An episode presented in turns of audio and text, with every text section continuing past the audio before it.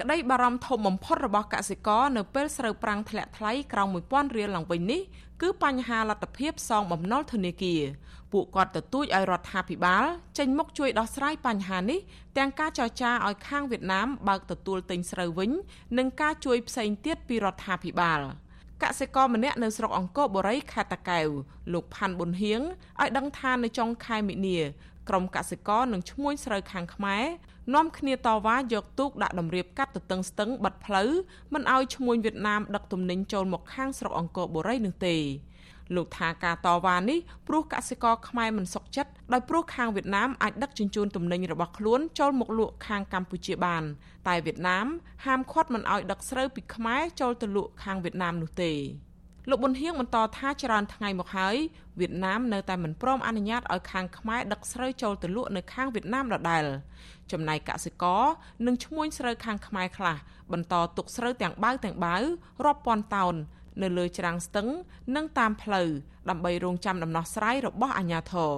ឯអ្នកខ្លះទៀតបាននាំគ្នាជួលឡានដឹកស្រូវយកទៅលក់នៅតាមច្រកផ្សេងទៀតដោយសង្ឃឹមថាខាងវៀតណាមនឹងទទួលទិញ។ ពិបាកថាអ្នកខ្លះត្រូវតិចតួចអីគាត់លក់ភ្លាមអញ្ចឹងទៅវាមានឡានគេទៅទិញអញ្ចឹងគាត់ដឹកគោយន្តដឹកឡានឆ្នៃយកមកដាក់ក្បែរក្បែរផ្លូវយើងនេះអាផ្លូវពស៊ូនេះអ្នកខ្លះត្រូវច្រើនអញ្ចឹងទៅដែលគាត់ដឹកចេញមិនទាន់នេះហើយបាននេះថាឈ្មួញកណ្ដាលហ្នឹងវាតិចហើយស្រូវហ្នឹងវាច្រើនច្រើនលឺលុបទៅពេលគាត់ទិញគាត់ទិញតែស្រូវណាដែលនៅជិតផ្លូវអញ្ចឹងអាអ្នកនៅឆ្ងាយឆ្ងាយផ្លូវអញ្ចឹងពិបាកអីហើយត្រូវភ្លៀងត្រូវខ្យល់អញ្ចឹងទៀតគាត់ទម្លាក់ចម្លៃណាបាទហើយដូចខ្ញុំថាអញ្ចឹងកាលពីដើមនៅពាក់កណ្ដាលខែ2សូមមិនទៅត្រូវខ្ញុំក៏លក់បាន1គីឡូ1000ដែរឥឡូវយើងនៅបា800ទេ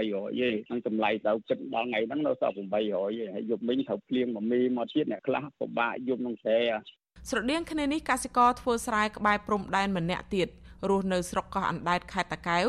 លោកមានសារីឲ្យដឹងថាកាលពីផ្ទុះរាលដាលជំងឺ Covid-19 ដំបូងដំបូងគឺខាងវៀតណាមទទួលទិញកសិផលរបស់ខ្មែរតែមិនអនុញ្ញាតឲ្យជនជាតិខ្មែរចូលទៅលក់នៅប្រទេសវៀតណាមទេគឺមានជនជាតិវៀតណាមមកទទួលទិញនិងដឹកជញ្ជូនពីព្រំដែនទៅតែមកដល់ពេលនេះលោកថាខាងភៀកគីវៀតណាមមិនទទួលទិញកសិផល និងមិនអនុញ្ញាតឲ្យមានការដឹកកសិផលឆ្លងដែនឡើយ កសិកររូបនេះជំរុញឲ្យអាជ្ញាធរជួយដោះស្រាយករណីនេះជាបន្ទាន់ព្រោះខែនេះជារដូវប្រមូលផលស្រូវប្រាំងលោកមានសេរីបារម្ភថាផលលំបាកនេះអូសបន្លាយកាន់តែយូរតម្លៃស្រូវប្រាំងនឹងកាន់តែធ្លាក់ថ្លៃខ្លាំង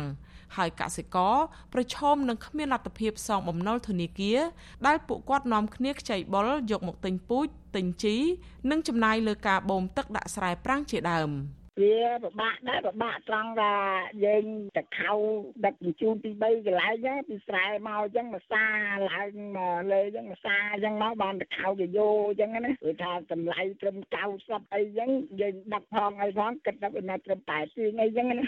កសិករបានចាប់ផ្ដើមប្រមូលស្រូវប្រាំងតាំងពីចុងខែកុម្ភៈមកកាលពីចុងខែកុម្ភៈនិងដើមខែមិនិនាតម្លៃស្រូវប្រាំងឡើងថ្លៃគ្រាន់បើ ដែលអាចឲ្យកសិករខ្លះរំពឹងថាមានលទ្ធភាពគ្រប់គ្រាន់ដោះបំណុលធនាគារនិងមានទឹកចិត្តធ្វើស្រែប្រាំងបន្តទៀតនៅឆ្នាំក្រោយប៉ុន្តែតម្លៃស្រូវប្រាំងបានចាប់ផ្ដើមធ្លាក់ចុះបណ្ដាបណ្ដាវិញនៅក្នុងខែមេសានេះ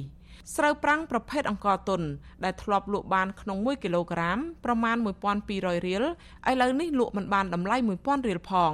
ហើយត្រូវបន្ថែមថ្លៃដឹកយកទៅដល់ព្រំដែនឬថ្លៃដឹកឆ្លងដែនបន្ថែមទៀត ការធ្វើស្រូវប្រាំងលំបាកចំណាយច្រើន និងទទួលបានទិន្នផលតិចជាងស្រូវវស្សាថ្មីត្បិតតំបន់ខ្លះខ្វះទឹកស្រោចស្រពស្រែក្នុងខែប្រាំងតែកសិករអះអាងថាឲ្យតែតម្លៃស្រូវមានទីផ្សារល្អនិងលក់បានតម្លៃសមរម្យពួកគាត់នឹងនៅតែប្រថុយធ្វើស្រែប្រាំងបន្តទៀតដោយសារមិនចង់ចំណាក់ស្រុកទិន្នផលស្រូវប្រាំងភាគច្រើនគឺរំពឹងទៅលើការនាំចេញទៅប្រទេសជិតខាង គឺថៃនិងវៀតណាមជាជាងទីផ្សារក្នុងស្រុក កសិករខ្លះបានខ្ចីលុយពីធនាគារដើម្បីទិញពូជស្រូវនិងជីរបស់វៀតណាម និងថៃដើម្បីដាំដុះតម្រូវតាមទិន្នផលរបស់ឈ្មួញនៃប្រទេសទាំងពីរតែការហាមឃាត់មិនឲ្យនាំស្រូវចូលទៅប្រទេសជិតខាងបែបនេះនឹងបណ្ដាលឲ្យកសិករខ្លះកាន់តែលំបាកពាក់ព័ន្ធទៅនឹងការហាមឃាត់ការនាំស្រូវចេញទៅប្រទេសវៀតណាមនេះកាលពីថ្ងៃទី25ខែមិនិនាអភិបាលស្រុកអង្គរបូរី បានផ្ញើរបាយការណ៍ទៅប្រាប់អាជ្ញាធរខេត្តថាការរឹតបន្តឹងច្រកព្រំដែននៃប្រទេសទាំងពីរបានធ្វើឲ្យប៉ះពាល់ដល់ការនាំស្រូវពីស្រុកអង្គរបូរីទៅលក់នៅក្នុងស្រុកអានភូខេត្តអានយ៉ាងរបាយការណ៍បន្តថាស្រូវរបស់កសិករខ្មែរនៅក្នុងស្រុកនេះចាប់ផ្ដើមទុំនិងកំពុងប្រមូលផល តែបែរជាមិនអាចនាំចេញទៅលក់នៅក្នុងប្រទេសវៀតណាមបានទៅវិញ បន្ទាប់មក នៅថ្ងៃទី26ខែមិនិនាអភិបាលខេត្តតាកែវលោកអ៊ូចភា បានផ្ញើលិខិតទៅប្រធានគណៈកម្មាធិការប្រជាជនខេត្តអានយ៉ាង ដើម្បីស្នើសុំឲ្យភាគីវៀតណាមជួយបន្ធូរបន្ថយការរឹតបន្តឹងនៅច្រកព្រំដែនបាក់ដៃនិងច្រកព្រំដែនទ្វេភាគីកំពង់ក្រសាំងដើម្បីផ្ដល់លទ្ធភាពឲ្យកសិករខ្មែរនាំទំនិញនិងស្រូវទៅលក់នៅប្រទេសវៀតណាមក្នុងរដូវប្រមូលផលនេះ នាយករដ្ឋបាលនឹងជាអ្នកនាំពាក្យសាលាខេត្តតាកែវ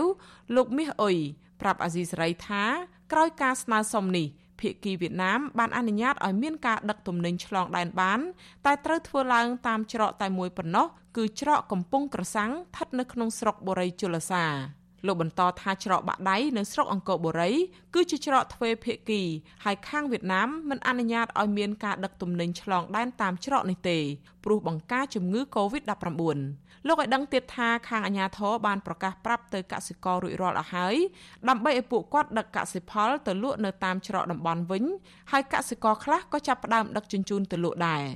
មន្ត្រីសាលាខេត្តរូបនេះទទួលស្គាល់ថាកសិករនឹងត្រូវចំណាយច្រើនជាងមុន ព្រោះត្រូវចំណាយថ្លៃដឹកស្រូវពីស្រុកអង្គរបូរី យកទៅលក់នៅស្រុកបូរីជលសាវិញ តែខាងអាជ្ញាធរគ្មានជំរើសអ្វីក្រៅពីនេះទេព្រោះខាងវៀតណាមគេអនុញ្ញាតនឹងទទួលទិញតែតាមច្រកនេះប៉ុណ្ណោះលោកថាខាងអាជ្ញាធរខេត្តមិនមានលទ្ធភាពជួយថ្លៃដឹកជញ្ជូនដល់កសិករទេ តែខាងខេត្តបានហាមឃាត់សមត្ថកិច្ចទាំងអស់មិនឲ្យដាក់ប៉ុស្តិ៍ឬធ្វើសកម្មភាពយកលុយពីកសិករដែលដឹកស្រូវយកទៅលក់នៅច្រកកំពង់ក្រសាំងនោះឡើយ។ ពាក់ព័ន្ធមួយការនិយាយហ្នឹងថាធម្មជាប៉ុន្តែថាឡូវដោយសារកូវីដអញ្ចឹងយើងចេញចូលវាបានតាក់ទងទៅតាមលិខិតតាមនេះហ្នឹងហើយដល់អញ្ចឹងពិបាកដែរយើងបានទៅជួបប្រជុំហៅប្រជុំនិយាយគ្នាខេតខេតដៃគូជាប់គ្នាហ្នឹងទៅអាចថាក្នុងរយៈកាលយើងមិនសុំមកវិញចង់និយាយថាក្នុងរយៈហ្នឹងក្នុងរដូវស្រូវហ្នឹងយើងសុំអាចថាប្រហែលថ្ងៃអញ្ចឹងយើងបិទវិញអញ្ចឹងណាប៉ុន្តែការទំនាក់ទំនងវាពិបាកដោយសាររឿងបញ្ហាកូវីដហ្នឹងសង្គមស៊ីវិលផ្នែកកសិកម្មស្វាគមន៍ការជួយអន្តន្តរាគមន៍នេះតែយល់ថា